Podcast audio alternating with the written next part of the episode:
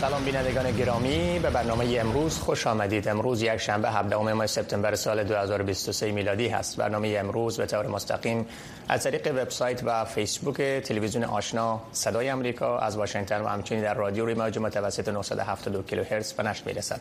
من محمد احمدی هستم.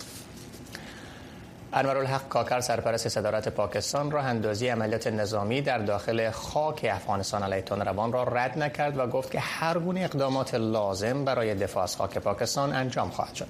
کاکر در پاسخ به این پرسش که آیا پاکستان در صورت لزوم در داخل افغانستان اقدام نظامی انجام خواهد داد گفت پاکستان حق دفاع از خود را دارد و هر اقدامی را که برای حفاظت آن کشور لازم باشد انجام خواهد داد. این در حالی است که صدر اعظم حکومت موقت پاکستان در مورد اقدام علیه گروه های تندرو در داخل افغانستان هفته گذشته گفته بود که گنجاندن یا حذف هر گونه حمله در افغانستان مورد بررسی قرار نگرفته است. پیش از این یعقوب مجاهد سرپرست وزارت دفاع حکومت طالبان در اشاره به اظهارات مقامات پاکستان گفته بود که کسی نباید افغان ها و حکومت طالبان را به خاطر ناتوانی در جلوگیری از حوادث امنیتی در سرزمین خود سرزنش کند سرپرست صدارت پاکستان گفته است که اگرچه به رسمیت شناختن حکومت طالبان را بررسی نمی کند اما به دلیل حاکمیت آن گروه بر افغانستان در سطح دولتوان ها مذاکره صورت می گیرد. طوری که در خبر پیشتر ذکر شد سرپرست صدارت پاکستان را اندازی عملیات نظامی در داخل خاک افغانستان علیه روان را رد نکرده و گفته که هر گونه اقدامات لازم برای دفاع از خاک پاکستان انجام خواهد شد. این مقامات این مقام حکومت پاکستان همچنین گفته که به دلیل حاکمیت گروه طالبان بر افغانستان در سطح دولت با آنها مذاکره صورت می‌گیرد. برای بررسی احتمال هر گونه حمله نظامی پاکستان در داخل خاک افغانستان و نوع روابط سیاسی حکومت پاکستان با حکومت طالبان با آقای آرش یقین پژوهشگر مطالعات دفاعی و امنیتی در انستیتوت جهانی در واشنگتن صحبت می‌کنیم. آقای یقین سلام روزتان بخیر. با سپاس از حضور شما در برنامه. آیا تهدید امنیتی از خاک افغانستان بر پاکستان تا حدی است که پاکستان دست به حمله نظامی به خاک افغانستان بزنه افغانستانی که تحت حاکمیت طالبان هست و این حملات احتمالی به نظرتان شامل کدام مناطق افغانستان خواهد بود؟ خب اگر در حداقل 20 سال اخیر ببینیم همیشه پاکستان افغانستان تحت فشار قرار داده و به نوع حمله هوایی هم استفاده کرده در موشک هایی که در کنر آمده و چند ماه پیش نمونی از اونا هست. در دوران جمهوریت هم بارها گویا ارتش پاکستان تانسته عملیات های سرمرزی بیشتر در سرمرز انجام بده. ای که فعلا در کجا اطلاعات پاکستان از موقعیت گروه تحریک طالبان در جریان است. ما نمی‌تونیم بس های شده بود که گویا گروهی از طالبان انتقال دادن با هماهنگی با پاکستانی ها از سر مرز طالبان پاکستانی رو دور کردن و گویا به شمال افغانستان آوردن. یک چالش کلانتر میشه چون که در سر مرزی به نوع چی دولت آقای قنی چی طالبان در این دو سال گویا گفتن مشکلات سرمرزی بوده. در صورت که واقعا همیز بود که پاکستانیا بارها بارها در داخل خاک افغانستان حتی اگر مرز دورند بیس مرز بین المللی بگیریم بازم حتی در داخل افغانستان هم عملیات های انجام داده بودن. ولی نسبت به که نه دولت جمهوریت توانایی داشت که در مقابل سر و صدای داشت ولی نمی‌تونست کاری بکنه و نه به نوع طالبا در این دو سال تانستن واکنش بسیار جدی نشان بدن. خب اگر قرار باشه که در شمال افغانستان مثلا عملیات های انجام داده شه از, از, از تیارای بی سرنشین از عملیات هایی که بسیار دشوار می‌سازه چون که دیگر سر مرز نیز داخل خاک افغانستان است گویا طالبا هم مجبور هستن واکنش نشان بدن. من باور به ای که آیا واقعا ما در یک, یک جنگ وسط پاکستان و اینا رو می‌بینیم؟ ندارم. من فکر می‌کنم بیشتر یک ببینید یک چالش داخلی شده و چالش از چالش امنیتی و یک چالش سیاسی هم در پاکستان تحریک طالبان شده و به نوع هیچ هر دولتی که سر قدرت بیایه پروسه صلح گویا جواب نداده با طالبان پاکستانی وسط دولت پاکستان و به نوع مجبور است همون زبان تند استفاده کنه و به نوعی هم دری هم شک نیست که تحریک طالبان در در بله. با, با در افغانستان وجود داره. با واکنش طالبان شما اشاره کردن. به نظرتون طالبان که به حمایت سیاسی پاکستان نیاز دارد در برابر هر گونه حمله احتمالی پاکستان در خاک افغانستان چه خواهد کرد؟ خب این اولین کاری که میشه در سر بندر مرز و اینا شما می‌بینین که زد و خوردهای کوچک انجام می‌گیره. یک نفر دو نفر سه نفر از دو طرف کشته میشه و به نوع گویا این امیر طالبان دستاورد کلان نشان میدن که ما رفتیم سر پاکستانی ها حمله کردیم. مثل چنانچه که در ایران می کار کردن در دفعه قبل کردن. این واکنش های کوچک است. ولی در سوشال میدیا و در دنیا در فضای مجازی متاسفانه دستاوردهای کوچک می‌تونه همیشه بسیار کلان نشان داده شه و گویا بیشتر واکنش های در در فضای مجازی بله. خواهیم داشت تا که واقعی. حالا این تنش بین حکومت طالبان حکومت طالبانی که متکی به نیاز و به رسمیت شناختن هست. چقدر فکر می‌کنن که تاثیر منفی در رسمیت شناختن طالبان خواهد گذاشت؟ ببینیم مربوط به این میشه که به چی نتیجه می‌رسه و من فکر می‌کنم که در دراز مدت بالاخره امریکا هم طالبان را میپذیره. اگر آقای بایدن به دل سیاسی فعلا نپذیره حال بعد از انتخابات 2024 یا او برنده شوه و یا آقای ترامپ یا دسانتس برگرده به کاخ سفید. پروسه طالبا به رسمیت شناخته میشه. ای که امکان داره که مثلا یک چینر بخواین که اول به رسمیت بشناسه بعد از او منطقه استایسته به رسمیت بشناسه بعدا غربی ها به نوع بهانه کنن که خب همه دنیا شناخته ما هم مجبور هستیم. ای در او پروسه فعلا که به سمت پیش میریم. من فکر نمی کنم که پاکستان به تنایی خود بخوای مثل در این نوات که او سعودیه امارات و پاکستان و پاکستان اولین کشوری بود که را پذیرفت این ریسک بگیره. به دلیل از اینکه حال تحریک طالبا هم گفتم به نوع خود خود, خود کلمه طالبان و طالبان پاکستان و طالبان افغانستان گویا یک کلمه است هنوزم یعنی در, در داخل پاکستان هنوز واکنش ها هست. به خصوصا بحث مسائل حقوق زنا و اینا هم هست فراموش نکنیم پاکستان بله. در یک دولت بالاخره سیکولارتری هست خانما بله. جزو نظام هستن برایشان بسیار مشکل است که بخواین بله. یک دفعی بپذیرند آقای یقین پاکستان به غیر از حمله نظامی در داخل خاک افغانستان چی گزینه دیگر برای اعمال فشار بر طالبا در توقف فعالیت های گروه دشت افغانی که ادعا کرده در خاک افغانستان داره می‌تونه داشته باشه خب بیشترین چیز ببینین بحث مهاجرت فراموش نکنیم وقت اقتصادی افغانستان بالاخره چالش است از نگاه یک کشور است که در به نوع راه خروج نداره. اینا همه چیز چیزهایی است که در پیش پاکستان وجود داره. نمونه شمیز که مثلا بندر برای هر مدتی که بسته روزانه خسارات اقتصادی فشار اقتصادی بالای طالبان میایه. اینها همگی هست. و ای که خود تئورای بی نشین پاکستانی که مثلا بیاین در خاک افغانستان بیاین خود از این همه روزه برای, برای دولت طالب برای طالبا گروه طالبا یک چالش به وجود میایه که اینا گویا اراضی افغانستان نفت کردن پاکستانی ها و ایش نو اینا کار کردن نمی‌تونن یعنی کوچک بودن از اینا رو نشان میده. بنان فشارهایی داره. پاکستان از همه بیشتر توانایی داره و گفتم مهاجرین هم یک تهمه است که می‌تونه میشه فشار به سرتون بیاره. تشکر از شما آقای آرش یقین پژوهشگر مطالعات امنیتی و دفاعی در انستیتوت جهانی در واشنگتن که دیدگاه خود در مورد سیاست های طالبان پاکستان در قبال طالبان بیان داشت روزتان بخیر. همچنین. وزارت خارجه ایالات متحده امروز شنبه اعلام کرد یعنی روز شنبه اعلام کرد که از گزارش ها در مورد بازداشت یک شهروند آمریکایی در افغانستان آگاه هست اما جزئیات بیشتری ارائه نکرد. به گزارش خبرگزاری فرانس پرس وزارت خارجه آمریکا هشدارش و امریکایی ها در مورد سفر نکردن به افغانستان را تکرار کرده و افزوده که خطر اختطاف یا خشونت علیه شهروندان امریکایی در افغانستان زیاد است.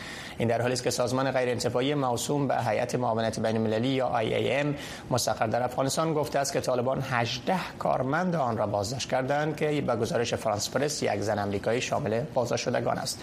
سخنگوی والی طالبان در غور به خبرگزاری فرانس پرس گفت که افراد بازداشت شده مردم را به مسیحیت دعوت می‌کردند. او در این مورد جزئیات بیشتر بیشتری ارائه نکرده است.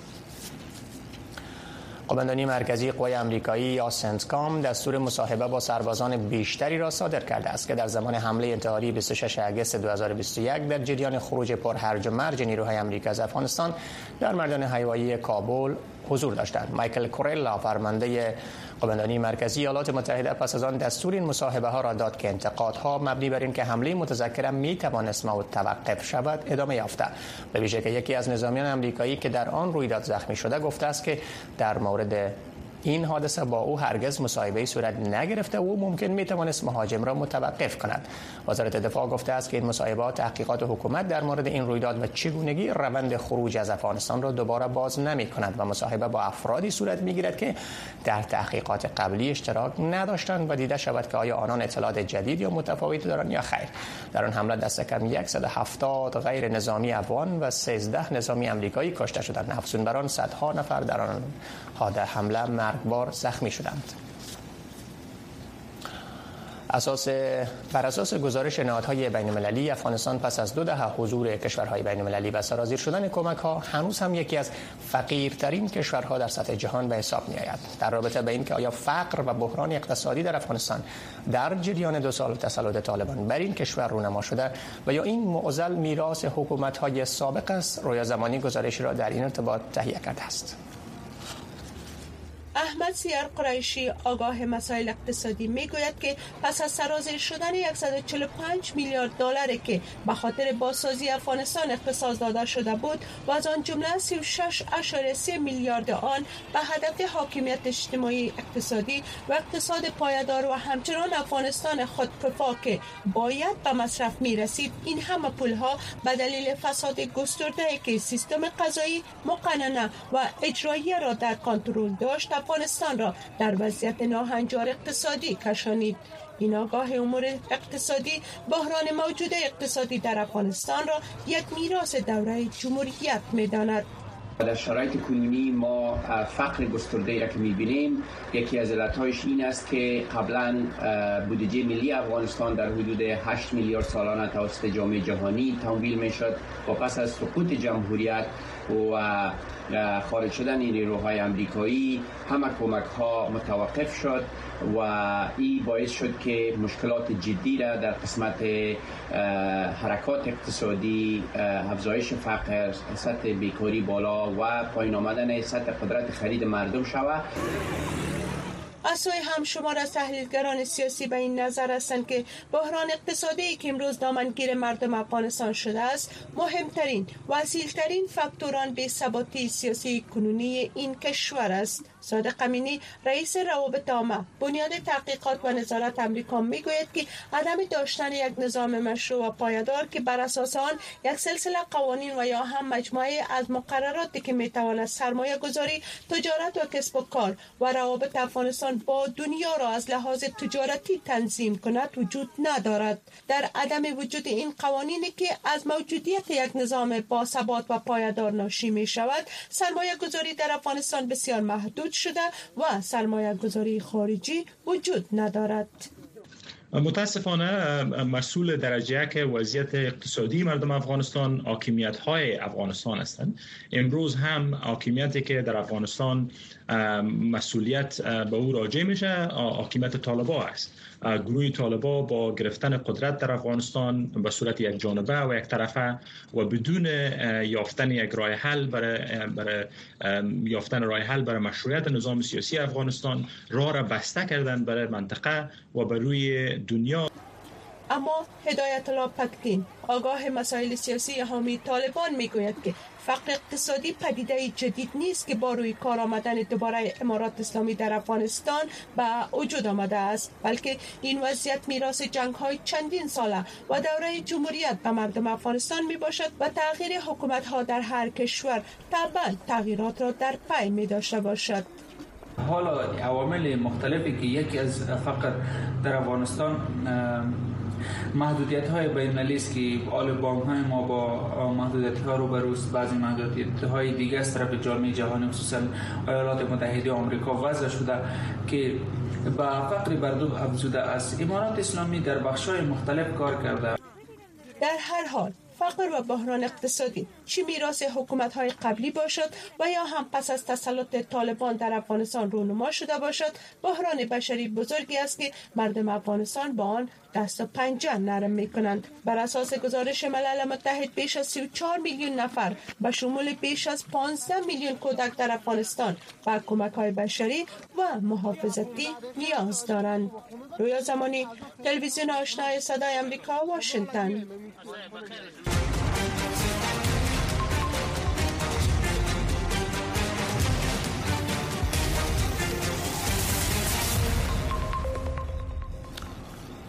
دیروز شنبه نیروهای امنیتی در ایران اعتراضات را در مناطق کردنشین آن کشور سرکوب کردند و پدر مهسا امینی را برای مدت کوتاهی توقیف کردند و دوباره آزاد ساختند. ایرانیان در اولین سال روز یاد بود از مرگ مهسا امینی در شهرهای مختلف جهان به شمول واشنگتن دی سی لندن پاریس و برلین به اعتراضات پرداختند. شرح گزارش های رویترز را همکارم ژیلانوری به توجه می‌رساند. در اولین سال روز یادبود از مرگ محسا امینی روز شنبه نیروهای امنیتی ایران پدر محسا امینی را برای مدت کوتاهی توقیف کردند و دوباره آزاد ساختند. رسانه دولتی در گزارش از نقل قول مقامات امنیتی ایران گفته است که شمار از افراد آشوبگر و دهشت را بازداشت کردند. شبکه حقوق بشر کردستان می‌گوید که نیروهای امنیتی امجد پدر محسا امینی را قبل از رهایی به خاطر برگزاری مراسم سالروز مرگ محسا امینی هشدار دادند. رسانه دولتی ایرنا بازداشت پدر محسا امینی را رد کرده است. روز شنبه نیروهای امنیتی ایران در مناطق کردنشین ایران تعبیه شدند تا از ایجاد نارامی ها در این مناطق جلوگیری کنند. از سوی دیگر برای یادبود از یک سالگی مرگ محسا امینی صدها ایرانی در واشنگتن دی سی پایتخت ایالات متحده در برابر قصر سفید برای پایمایی و اعتراضات پرداختند. محسا امینی به تاریخ 16 سپتامبر سال گذشته در قید پلیس به خاطر بدهجابی دستگیر شده بود جان باخت. ایرانیان شعارهای بر علیه حکومت ایران سر داده بودند و برخی از حکومت بایدن خواهان افزایش تحریم ها بر ایران شدند.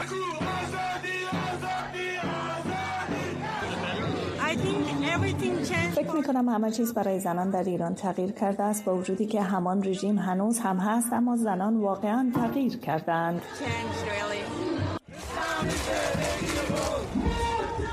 از سوی دیگر به روز شنبه در برلین پایتخت آلمان شمار از ایرانیان با گروه افه بینالملل و مترزین چپگرا در اولین سال روز یاد بود از مرگ محسا امینی به اعتراضات پرداختند. با آنکه ما بسیار از ایران دور هستیم هزاران کیلومتر فاصله داریم ولی او هنوز در قلبها و اذهان ما جا دارد. ما در برابر ملاها تا زمانی که از قدرت کنار بروند مبارزه می کنیم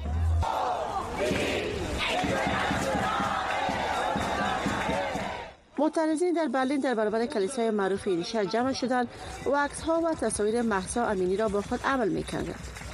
از سوی دیگر شروال پاریس در یاد بود از اولین سال روز مرگ محسا امینی باغ ولمن شهر پاریس را به نام محسا امینی نامگذاری کرد ماه اکتبر سال گذشته کشور فرانسه تابعیت افتخاری را نیز برای محسا امینی اعدا کرده است مرگ محسا امینی 22 ساله در قید پلیس سال گذشته باعث ماها اعتراضات ضد حکومتی در ایران شد. ژیلا نوری، تلویزیون آشنای صدای آمریکا، واشنگتن. رافل گروسی رئیس دیدبان هسته‌ای ملل متحد روز شنبه آنچه را حرکت نامتناسب و بی سابقه ایران در مانع شدن چندین مفتش موظف موظف در آن کشور محکوم کرد که باعث اخلال در کار آن نهاد بر فعالیت‌های اتمی تهران شد. این اقدام ایران پاسخی به یک تقاضا به رهبری ایالات متحده بریتانیا فرانسه و آلمان است که در نشست برد مسئولین اداره بین‌المللی انرژی اتمی از تهران خواستند تا به طور فوری با این اداره بین‌المللی روی مسائلی شامل توضیح نشانه‌های اورانیوم یافت شده در سایت های نامعلوم ارائه کنند. کیم جونگ رهبر کره شمالی امروز یکشنبه از نمایشگاه نظامی در شهر ولادیف استوک روسیه دیدن کرد. والی منطقه پرمسورسکی روسیه. ویدیوی این دیدار را بر روی چنل تلگرامش نشر کرده است. در این ویدیو کیم در حال قدم زدن در اطراف نمایشگاه است و به تجهیزات نظامی بدون پیلوت تولیدی آن منطقه نظر میاندازد. به گزارش خبرگزاری RIA والی میزبان این نمایشگاه برابر کره شمالی یک واسکت ضد مرمی و شش تیاره نوع درون تحفه می‌دهد این سفر کیم جونگ اون که به کشورش را که کشورش را به ندرت ترک می کند به گزارش خبرگزاری دولتی KCNA کره شمالی برای بیان دوستی به همبستگی و همکاری است که در تاریخ توسعه روابط بین المللی کره شمالی و روسیه اکنون باز شده است.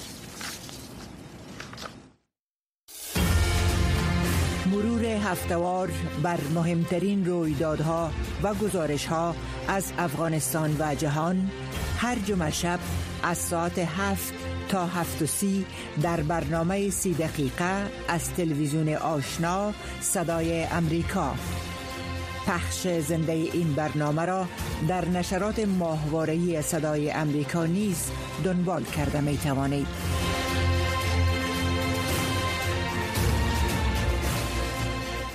کودکان سودانی که در یک کمپ پناهندگان در شرق کشور افریقایی چاد زندگی می کنند می‌گویند که شبه نظامیان موسوم به جان جاوید در دارفور در ماهای اخیر آنها را یتیم کردهاند. در حالی که رسانه ها و سازمان های مدافع حقوق بشری به گزارش های در مورد جنایاتی که صورت می‌گیرد ادامه می‌دهند خبرنگار صدای آمریکا هنری ولکینز با این کودکان صحبت کرده و با کمک آنها اندکی در یک کشور خارجی به حال خودشان البته که آن کودکان با یک کشور با کمک کشور خارجی به حال خودشان رها شدند و در بی سرنوشتی به سر می‌برند شرح بیشتری این گزارش را همکارم به توجه میرساند در کمپ های پناهجویان در شرق کشور چاد کودکان از زباله هایی که در روی زمین یافت می کنند و با آن کاغذ پران می سازند و از چوب های روی زمین با عنوان چوکات از آن استفاده می کنند و بالاخره از خریطه های پلاستیکی شکل بالمانند ساخته و آن را به شکل تیاره در می آورند.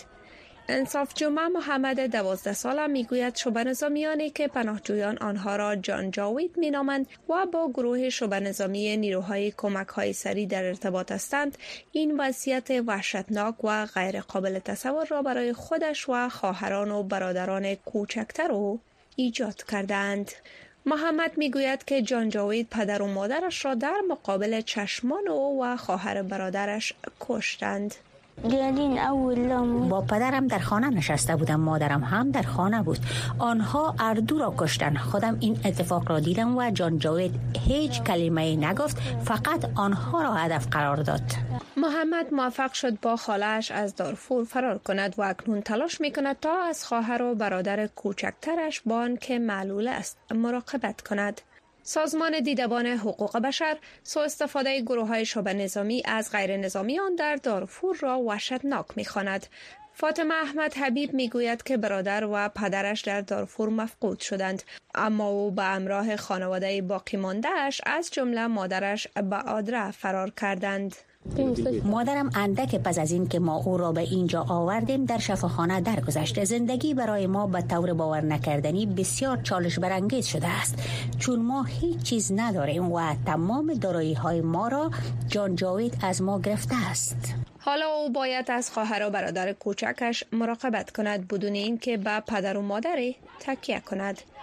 یاسمین شریف مدیر اجرایی نهاد ماسوم و آموزش نمی‌تواند منتظر بماند که یک صندوق سازمان ملل متحد برای کودکان در حال بحران بشری در مورد حمایت جامعه جهانی از این کودکان به صدای امریکا می‌گوید.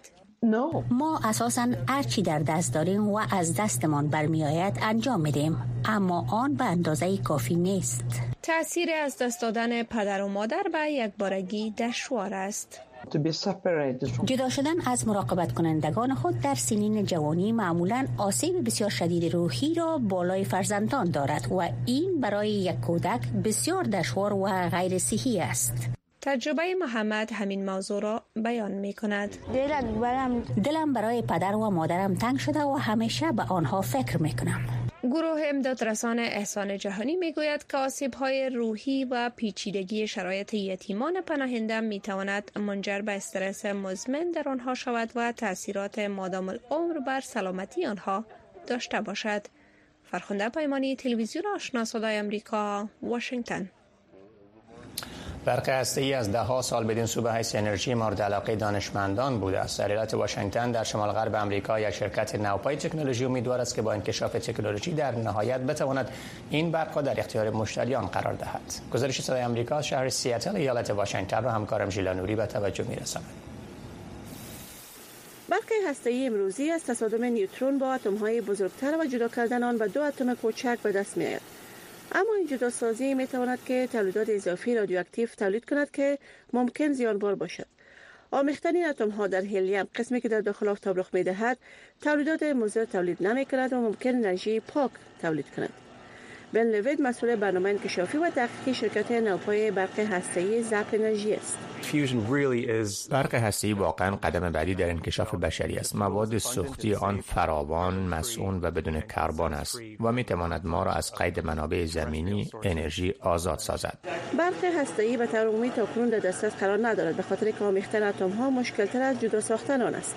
یک علت این کار این است که برای این پروسه محیط قابل کنترل انرژی و حرارت بالا نیاز است. شما آن را مانند یک رد و برق تصور کرده می توانید که می تواند فضای مغناطیسی مختص به خود را تشکیل دهد و فضای مغناطیسی خود بستری را ایجاد کرده و حرارت آن را تا حد آمیختن اتم ها بالا می برد. شرکت زپ انرژی امسال از جمله هشت کمک نقدی وزارت انکشاف انرژی ایالات متحده یکی آن را به دست آورد اما هنگ کننده بخش سوخت هستی وزارت انکشاف انرژی می‌گوید که بخشی از این کمک ها برای ساختن یک کارخانه آزمایشی برای آزمایش کردن تکنولوژی تولید برق هستی به مصرف خواهد رسید. ما می توانیم راههایی را پیدا کنیم که از علاقه شرکت های خصوصی در انکشاف برق ای استفاده خوب کنیم و کوشش کنیم که جدول زمانی آن را کاهش دهیم. این مسئله می تواند یک نقطه عطف باشد. درست شود. اگر ما واقعا روی تکنولوژی و موادی که انجینرها با آن اکنون نیاز دارند تمرکز کنیم فکر می کنم امکان سرعت بخشیدن آن وجود داشته باشد. این موضوع ممکن بیشتر به اراده و سرمایه گذاری ربط داشته باشد تا به زمان. نظرات مختلف که ده سال بعد سو درباره دوام تجاری برق هسته وجود دارد هنوز نتوانستند که تکنولوژی با کیفیت بلند تولید کنند. نه شرکت زپ انرژی و نه هم وزارت انرژی امریکا تخمین کردن نمی‌توانند که چی زمان مردم می‌توانند خانه خود را با برق تولید شده از آمیختن اتم ها روشن کنند. احمد دایلو مسئول پروژه تحقیق انرژی در وزارت انرژی امریکا معتقد است. وقتی که روز استفاده از انرژی اتمی برسد متوجه می شود که این کار ارزش منتظر ماندن و تلاش ها را داشت. روزی که انرژی هستی داشته باشیم ما دیگر نگران انرژی نخواهیم بود. شما انرژی فراوان خواهید داشت و فقط به چند پایگاه تولید انرژی محدود نخواهید بود. بعدا می توانیم مشکلات دیگر خود را از این طریق حل کنیم. کلید اصلی آن صبر و حوصله است که مردم باید آن را درک کنند. با کمک هزینه حکومتی نهاد گروه تجارتی صنعت برق هسته‌ای می‌گوید اکنون سکتور خصوصی به ارزش 6 میلیارد دلار را در شرکت های نوپای برق هسته‌ای سرمایه گذاری کردند. ژیلا نوری، تلویزیون آشنای صدای آمریکا، واشنگتن. بینندگان گرامی این بود داشته های برنامه امشب تلویزیون آشنا صدای آمریکا تا لحظات بعد شما شنونده و بیننده نشرات رادیو آشنا خواهید بود که از طریق وبسایت و فیسبوک صدای آمریکا به طور زنده نشر می شود سپاس از همراهی شما با برنامه امروز